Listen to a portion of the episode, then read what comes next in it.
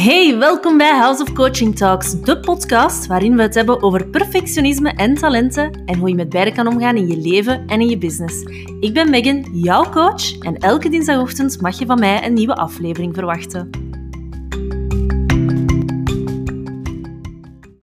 Hallo, hallo en welkom bij deze nieuwe aflevering van House of Coaching Talks, aflevering 15. Vandaag gaan we het hebben over uitstelgedrag. En dan heb ik het niet over een taak laten liggen omdat je er echt geen zin in hebt en dat je gewoon wacht tot aan de deadline en dan in volle paniek geraakt en in actie schiet. Nee, ik heb het over een ander soort uitstelgedrag. Ongetwijfeld ken je het wel, de gedachte waarbij je denkt, als ik een mooi kleurtje heb, dan doe ik daar ook geen aan. Of als ik mijn diploma heb gehaald, dan start ik mijn zaak. Of als het wat rustiger wordt, dan, dan ga ik mijn zaakjes op orde zetten. Ja, ik ga wachten tot het wat rustiger wordt. Hè. Als ik wat meer tijd heb, dan, dan ga ik alles eens in orde brengen. Wel, wel, wel. Er waren heel veel mensen die dat laatste dachten. Die mensen die snakten naar rust, naar tijd, zodat ze hun zakjes op... Zaakjes? Niet zakjes. Hun zaakjes op orde konden zetten. En toen kwam corona. En de wereld ging op slot. En nu vraag ik me af, hoeveel mensen hebben toen hun zaakjes op orde gezet? Niet veel mensen, hè? Nee, we gingen onze tijd anders invullen en we waren terug vertrokken in de red race van nieuwe hobby's, nieuwe manieren van onze tijd in te delen. En die zaakjes die zo dringend in orde moesten gebracht worden, die bleven liggen. En hetzelfde geldt voor heel wat ondernemers. Of, of hoe dat zij hun dagen indelen. Als ik die opleiding heb afgerond, dan start ik. Als ik zoveel volgers heb op Instagram, dan start ik. Als ik mijn programma helemaal klaar heb, vijf keer getest heb met vijf verschillende doelgroepen, dan start ik. En dan is dat meestal een jaar later. Nu vraag ik mij af, wat is jouw excuus? Wat is jouw excuus om actie te ondernemen? Welke voorwaarden hangt er voor jou aan vast? Als X, dan Y. Hè? Als dat gebeurt, dan doe ik dat. Of als dat op mijn pad komt, dan doe ik dat. Of als ik die tijd heb, dan doe ik dat. Denk daar eens eventjes over na. Voor mijzelf zijn dat heel lang opleidingen geweest. Als ik mijn opleiding tot interieurarchitect rond heb, dan pas ga ik met veel lef en moed naar klanten durven gaan. Want dan heb ik dat papiertje om mij te bewijzen. Anders ben ik gewoon maar een blond, jong meisje toen, hè, toen ik 24 was, alsof dat, dat papiertje iets zou veranderen. Ja, dat zou wel iets veranderen. Maar niet wat ik wou. Dat zou gewoon mijn mindset veranderen. Maar daar had ik achteraf gezien dat papiertje niet voor nodig. Waar ik wel in geloof, is opleidingen doen om klanten te servicen. Toen ik als coach begon, heb ik eerst een aantal hele goede en gecertificeerde, dus dat wil zeggen met een internationaal kwaliteitslabel, uh, zo'n opleidingen gedaan. Niet omdat ik onzeker was, maar wel omdat ik het allerbeste wou voor mijn klanten. Ik ben met mensenlevens bezig. Dan kan ik het mij niet permitteren om een avondcursus in afstandsonderwijs, hoe wordt die coach, te gaan volgen. Nee, dat is iets helemaal anders.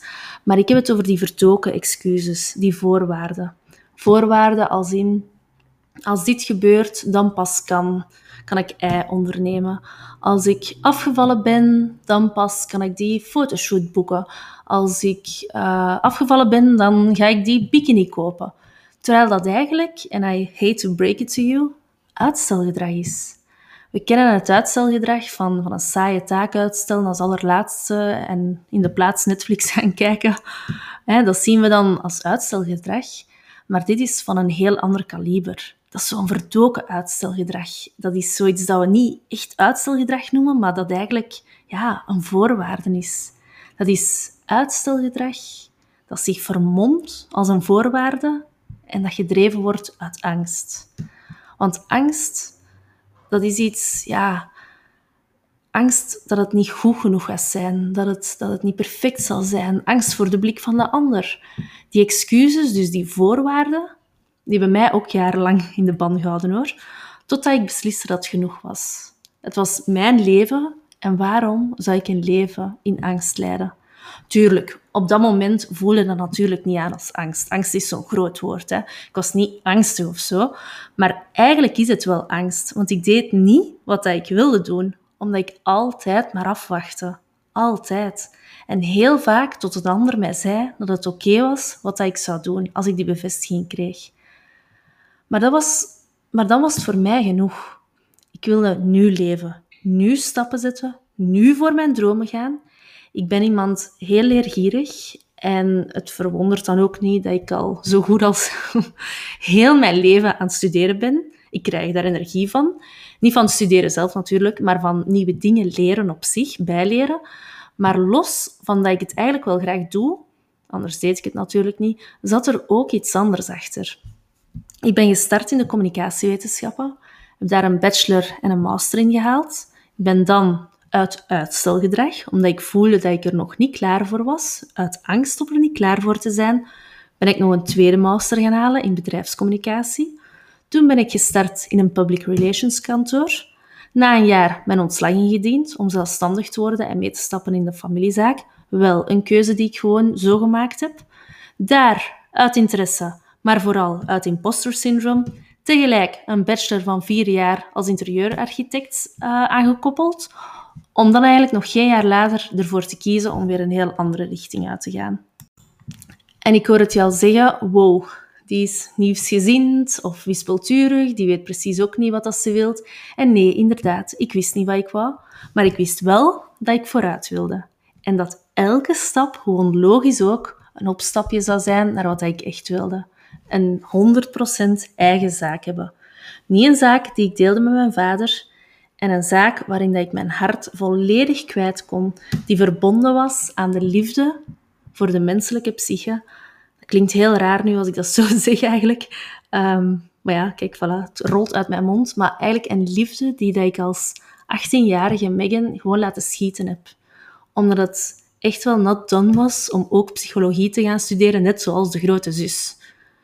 En dat heb ik te veel gedaan. Keuzes gemaakt vanuit, wat gaat de ander niet denken? Het is niet oké dat ik hetzelfde doe. En vanuit een imposter syndroom van, ik moet dat papiertje hebben, want wie ben ik anders? Dus toen dat ik na vier jaar hard zwoegen mijn diploma tot interieurarchitect in ontvangst nam, besliste ik niet veel later om de boel om te gooien. Ik had namelijk in niks van dit alles mijn hart verloren. Niet in de interieurwereld, niet in de communicatiewereld. Ik wilde iets met mensen doen, met persoonlijke ontwikkeling. Dus ik ging terug naar mijn 18-jarige zelf en ik schreef me in voor een opleiding tot coach.